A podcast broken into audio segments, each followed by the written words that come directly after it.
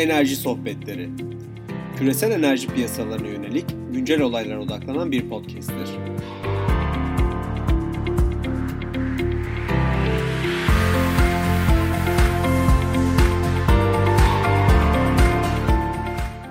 Merhaba 1 Mayıs 2020'de karşımızda Londra'dan Cüneyt Kazakoğlu var. Cüneyt merhaba. Merhaba Barış. E, Cüneyt öncelikle seni tebrik ediyoruz. Bugün yanılmıyorsam bugünkü Financial Times'ta senin bir e, yazın yayınlandı. Önce bunun için tebrik ediyorum. Ben yazının ne olduğunu biliyorum ama bilmeyenler için e, bugün bu konu olan yazı neydi? Neyle alakalıydı? Bu bugün olan e, bugünkü bugün yayınlanan yazının konusu peak demand petrol talebinin zirve yapıp yapmadığı 2019'da bitip yani iki, bu petrol talebindeki zirvenin 2019'da gerçekleşip gerçekleşmediği üzerine. Şöyle bir olay var işte petrol talebi artıyor. Birkaç bir, birkaç on yıl sonra da e, bir zirve yapacak. Ondan sonra da azalmaya başlayacak. İşte daha daha temiz yakıtlar, daha enerji verimliliği arttıkça, elektrikli araçlar arttıkça vesaire. Hı. Fakat e, bir argümantasyon şu anda tabii ki bu e, bir argümantasyon bu e, petrolde talep talepteki zirvenin e, geçtiğimiz yıl gerçekleştiği ve petrol talebinin bu şu anda gördüğümüz işte 10-11 milyonluk e, e, varillik günlük düşüşten e, hiçbir şekilde kurtarı, kur, kur, toparlayamayacağı kendini.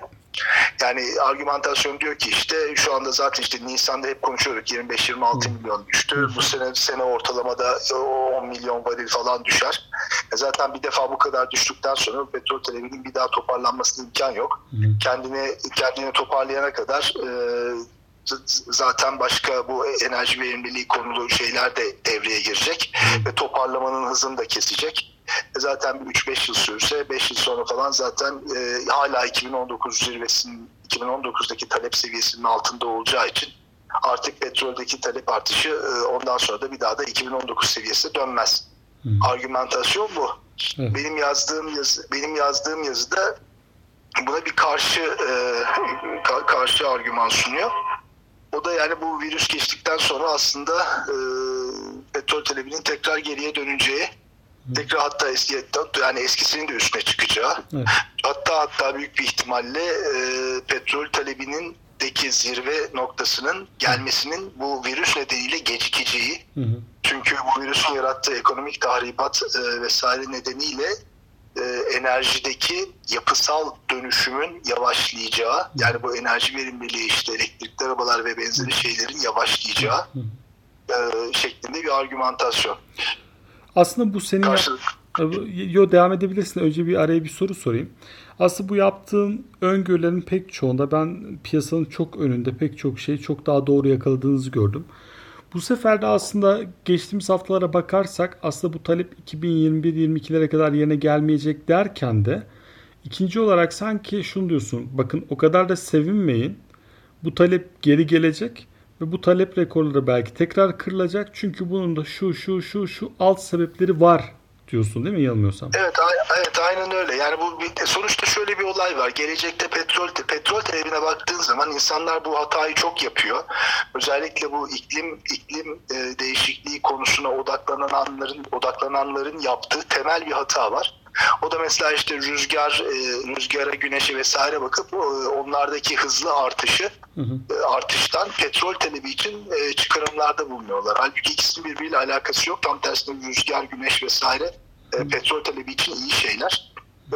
Petrolün elektrik üretiminde bir değeri yok. Yani dünyadaki petrol talebinin yüzde dördü falan elektrik üretiminde kullanılıyor. Gelecekte petrol talebi için 2-3 önemli sektör var. Bunlar işte kara taşımacılığı, hava taşımacılığı, ulaşım yani. petrokimya ve e, ve biraz da belki deniz taşımacılığı ucundan. Onun dışındaki sektörler yani e, mesken sektörleri mesela işte e, kalorifer yakıtı olarak kullanılan pet- petrol, elektrik üretiminde kullanılan petrol, endüstride kullanılan petrol e, gibi şeyler. Bunlar zaten e, zaman içinde e, bitip gidecekler. Zaten çok pastanın çok büyük bir bir kısmını temsil etmiyorlar. Ama zaman içinde zaten bitip gidecekler. Kimse burada buralarda bir artış beklemiyor. Dolayısıyla burada e, odaklanılması gereken şeyler bu e, önümüzdeki büyüme sektörleri. Bunları da sırasıyla sırasıyla ele almaya çalıştım işte. Yani kara taşımacılığıyla başlamak gerekirse mesela bu krizin en büyük bu, bu krizin en büyük etkenlerinden biri elektrikli arabaların yayılmasını yavaşlatacak. Bunu şu anda da görüyoruz zaten. Yani e, mesela en basitinden e, bir örnek vereyim. İşte Çin dünyanın en büyük elektrikli araba piyasası. Hı hı. E, Çin'de şu anda birinci sadece birinci çeyrekte hı hı. elektrikli araba elektrikli araba satışları birinci 2020'nin birinci çeyreğinde bir önceki yıla oranla yüzde 60 düşmüş durumda. Hı hı. Şimdi tabii buna klasik cevap işte ama birinci çeyrek zaten işte orada Wuhan falan işte korona krizi o yüzden hiçbir arabalar satılmadı ama elektrikli araba satışları yüzde 60 düşerken o, o e, konvansiyonel araba satışları sadece yüzde 45 düşmüş durumda. Hı hı. Yani elektrikli arabalardaki çöküş çok daha fazla. Bunu başka yerlerde de göreceğiz. Avrupalı Avrupalı otomobil üreticileri şu anda piyasayı elektrikli arabaya boğmaya çalışıyorlar. Çünkü burada itibaren bu karbondioksit emisyonları e, sınırları geliyor. Hı. O yüzden orada bir arz arz ittirmesi nedeniyle fazla artan bir e, fazla bir artış var. Fakat o kadar büyük bir talep gelmeyecek. Bu krizden mesela çıkış çık, çıkarken pek çok e, en, en büyük sorunlardan biri toplumun çok büyük bir kısmı e, borçlanmış olarak çıkacaklar. E, pek çok iş yerleri kapanmış olacak, işsizlik çok artmış olacak. Yani en en e, büyük rakam işte Amerika'ya bakıyorsun. Son 6 haftada mesela Amerika'da 30 milyon kişi işsizlik yardımına başvurdu. 30 milyon yani inanılmaz bir rakam. Dolayısıyla o, o onların elektrikli araba vesaire falan gibi dertleri yok tabii ki. Yani kimse gidip de bu kriz sonrası ya hakikaten çok güzel bir evde oturdum canım sıkıldı. İşte izolasyon bitince, karantina bitince ilk iş gidip de elektrikli araba alacağım kendime diyen biri yok yani. O, bunlar bunlar geçecek. Ya tam tam tersine bunun ters etkisi olarak bunu yapmayan insanlar eldeki arabayı bir iki yıl daha tutmak isteyecekler. Yani ya tamam işte eskiden kriz öncesinde ee, belki 2020'de 2021'de bir tane elektrikli araba almak istiyordum ama e, herhalde yapmayayım şimdi bunu. Bu araba da gidiyor bendeki. Hı hı. Bir 2-3 yıl daha bunu tutayım bakayım ne olur ne olmaz vesaire diyecek. O da tabii ki e, bu e, ulaşım yakıt emisyon yakıt tüketimi modellemesinde bu fleet turnover e, şeyde filo değişimi e, dönüşümünü uzatacak ki bu kriz dönemlerinde bu daima olan bir şeydir. Evet. Ya bu sta, sta, standart bir veri nedir işte bu veri araç e, senelik araç satışlarının e, senelik araç satışları bölü e, toplam araç filosu. Hı hı. Bu sana işte bu o yılki satışlarla toplam filonun ne kaç yılda yenilenebileceğini gösteren bir metrik. Ve mesela en en, en, en büyük piyasalardan işte nedir? Amerika'da bu normalde 14-15 yılda 14-15 yıldır bunun ortalaması. Fakat mesela 2008-2009 krizinde bu 23-24 yıla çıktı. Yani bir araç satış, birden araç satışları çakılınca böyle bu yıl mesela çok çok kötü. Bu yıl üçüncü yıl e, üçüncü üç, üçüncü yıl olacak. E, bir önceki yıl araç satışlarının düştü. Dolayısıyla bu mesela filodaki yakıt ekonomisi gelişimini bayağı yavaşlatacak bir faktör.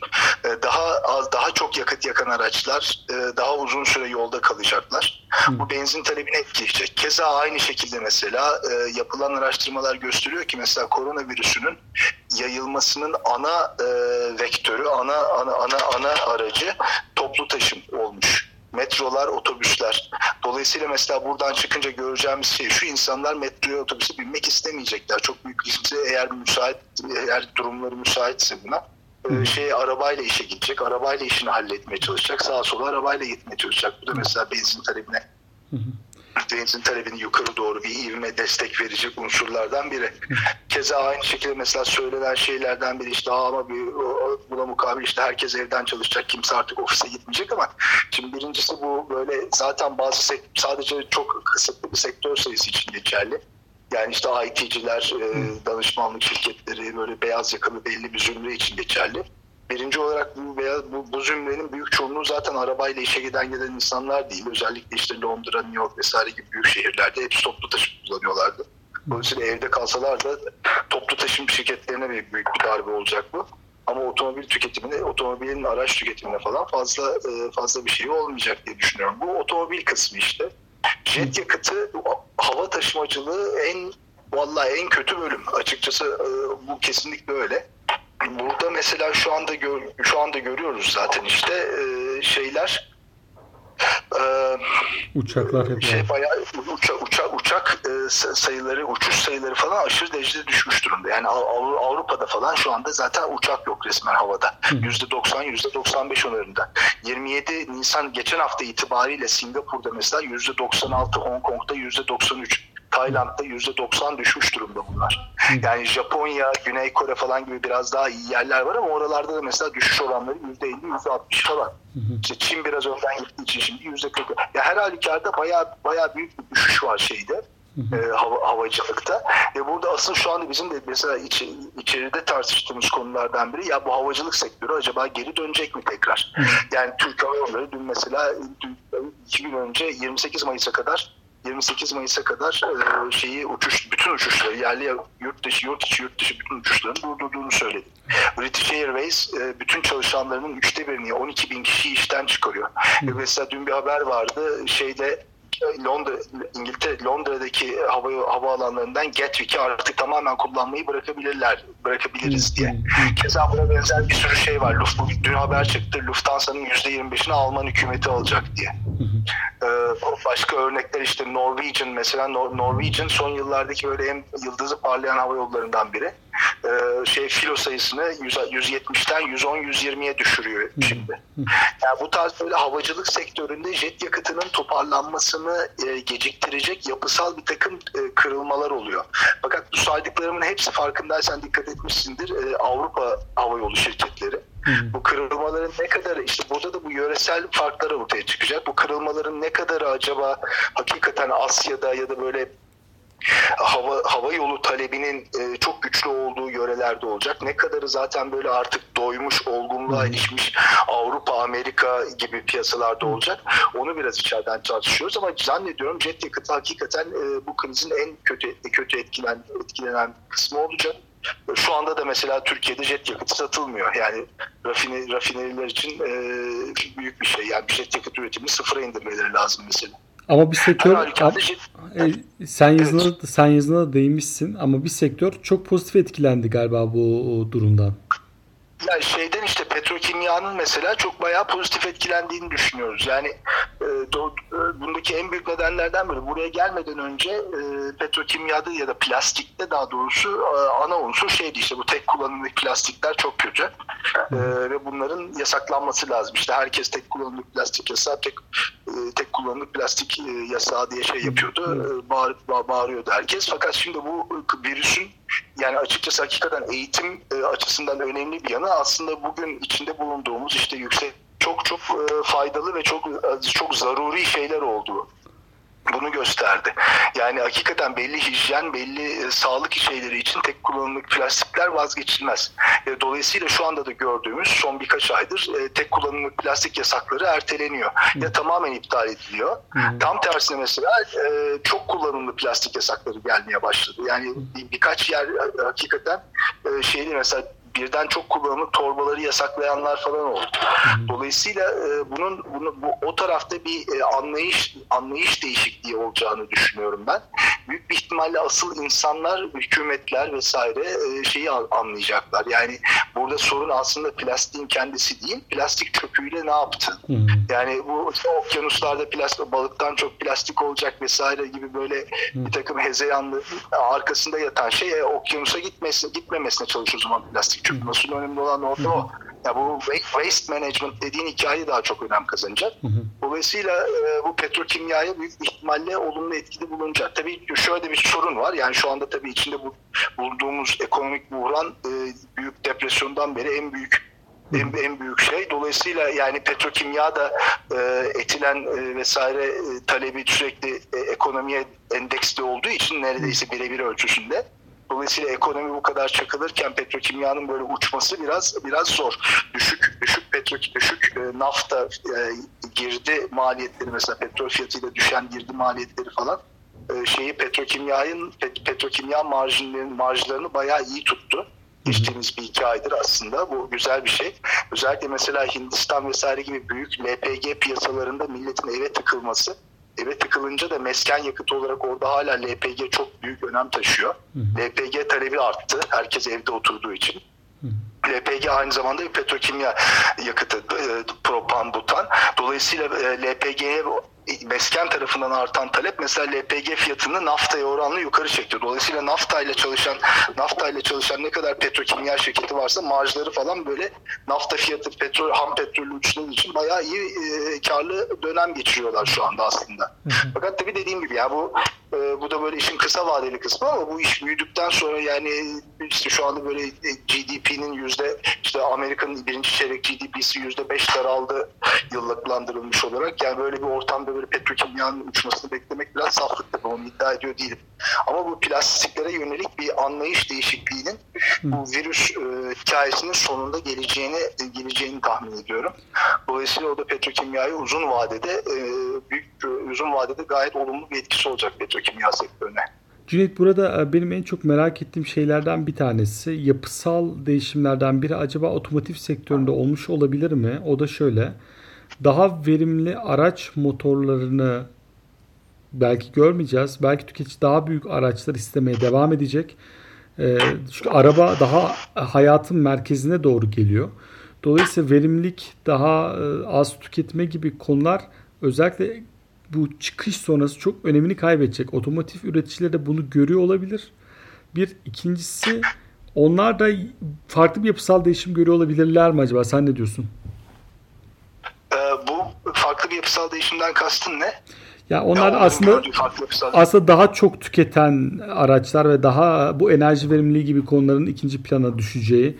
Onun yerine tüketicinin daha fazla konfor, geniş alan, işte ne bileyim benzer şeyler istemeye devam edeceği. Dolayısıyla aslında iki, ta- iki tane etken var. Birincisi e, birincisi tüketici açısından önemli olan şey yani e, en önemli en önemli faktör tabii ki yakıt verimliliği ve işte e, aracın çevreci ne kadar çevreci vesaire bir araç olduğu da önemli ama en önemli faktör tüketici açısından maliyet.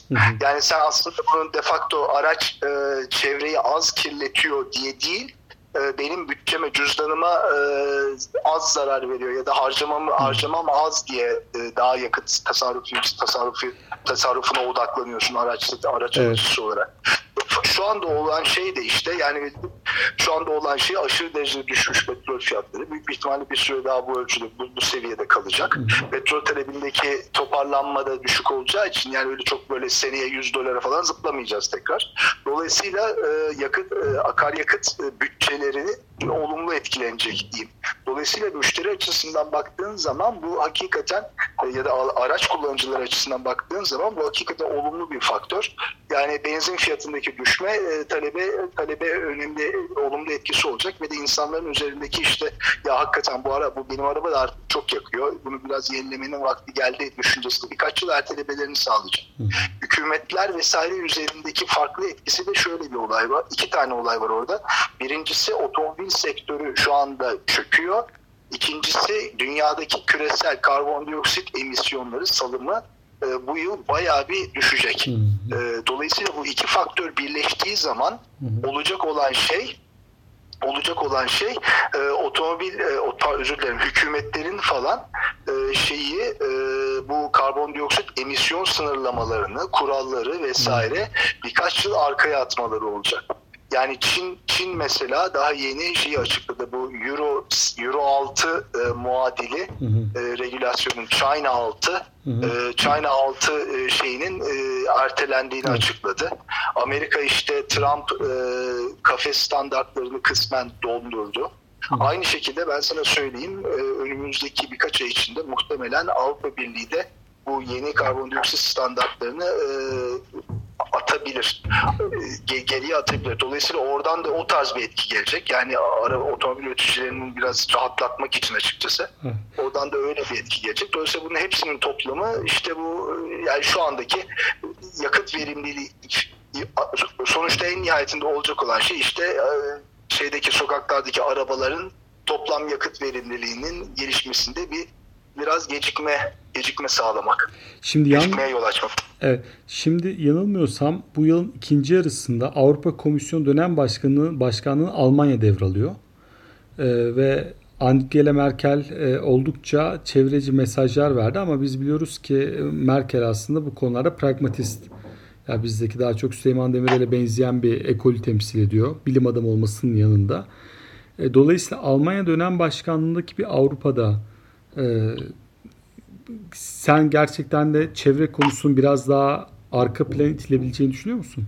Ya Almanya şeyde çok e, güzel soru. Açıkçası çok, çok bir çok yani çok biliyorum diyemem.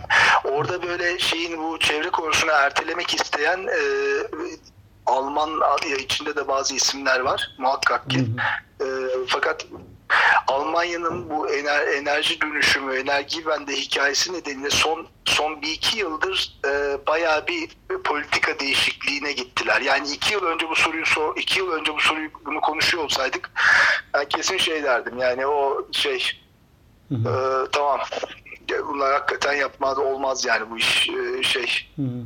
E, Almanya başa geçiyorsa bunu kesin birkaç yıl birkaç yıl atar. E, vesaire derdim. Fakat e, şimdi onu açıkçası e, ona onu açıkçası şey yapmaya diyemiyorum. Yani kendileri için de çünkü e, şey biraz önemli önem kazandı. O, o tarafa olan e, dönüşüm.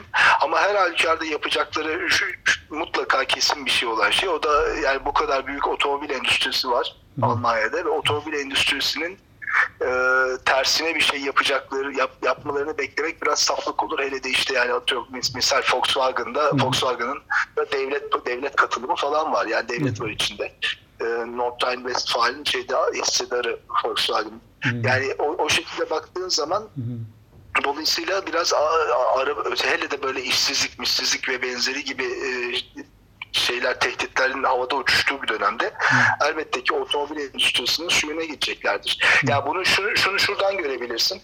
Yani adamlar işte şeyi e, bu kadar böyle konuştular ettiler vesaire. Fakat her ülkelerin, bütün ülkelerin hükümetleri için ana unsur hele de böyle kriz döneminde işsizlik. Evet. İşsizlik ve şey e, bütün o işte çevre e, e, çevresel ya da iklim değişikliği ve benzeri gibi e, düşüncelerin önüne geçiyor. Yani geçtiğimiz yıl işte şeyde kömür bitirme planı açıkladılar mesela. Hı hı. Ya Almanya gibi bir ülke, Almanya gibi bir ülke bile işte kömür bitirme planı olarak 2038 belirledi. Yani 20 yıl attı adamlar kömür şeyi.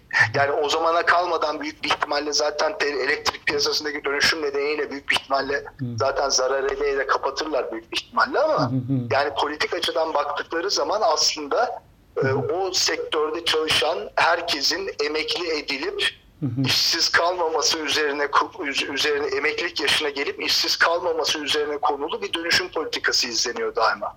Dolayısıyla otomobil sektörü için de aynı şey geçerli. Yani oraya geldiği zaman komisyon başkanlığı döneminde aynı şeyi yapacaklar.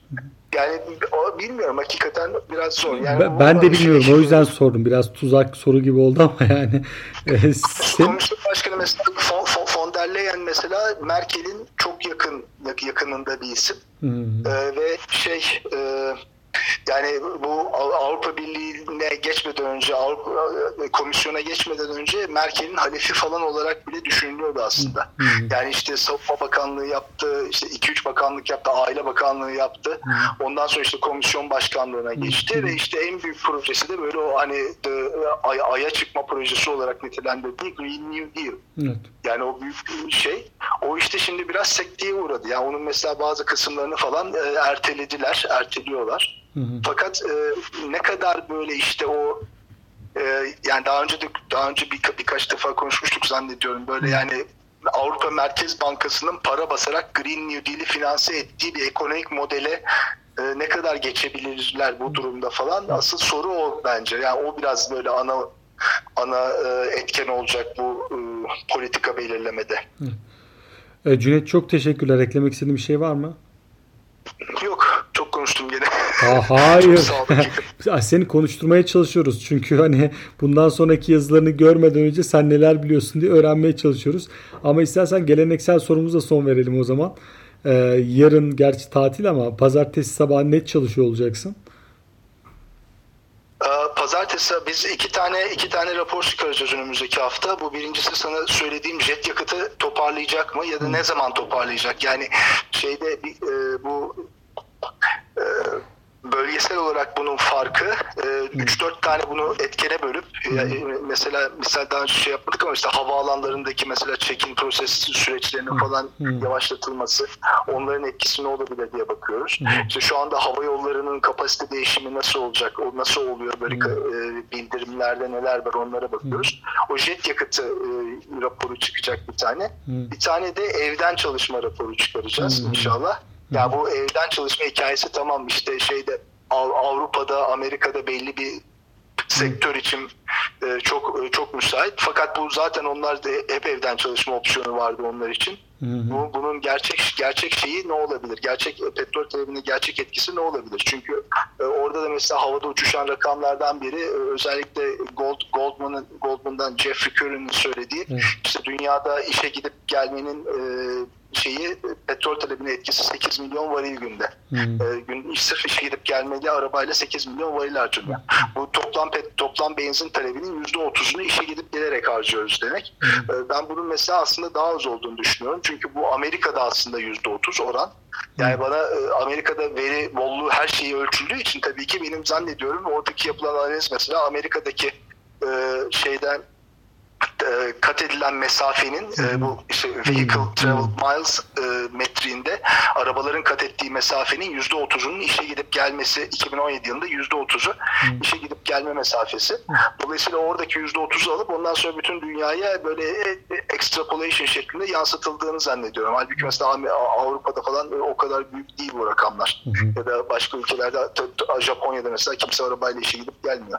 Yani ya da, ya da en azından oran o kadar büyük değil. Dolayısıyla ona bakacağız işte yani bu evden çalışma ve bu onun e, evden çalışma birincisi gerçekte ne kadar mümkün? E, önümüzdeki yıllarda iş gücünün ne kadar hakikaten eve girebilir? Bir de o kadar eve girerse işte bunun e, benzin talebine gerçek etkisi ne kadar olabilir? Bu iki tane çalışma var işte şeyde e, önümüzdeki haftanın projeleri diyeyim. Tamam o zaman ha- haftayının podcast konusunda şimdiden belli olmuş oldu. Evet bunları konuşabiliriz doğru hakikaten. Oldu kolay gelsin. Çok sağ ol. Teşekkürler. Çok, çok teşekkürler sen sağ ol. İyi tatiller. Evet, dinlediğiniz için teşekkür ederim. Enerji sohbetlerini Anchor, Spotify, Apple ve Google platformlarından takip edebilirsiniz. Web sitem üzerinden de iletişime geçebilirsiniz. Bir sonraki bölümde görüşmek dileğiyle. Hoşçakalın.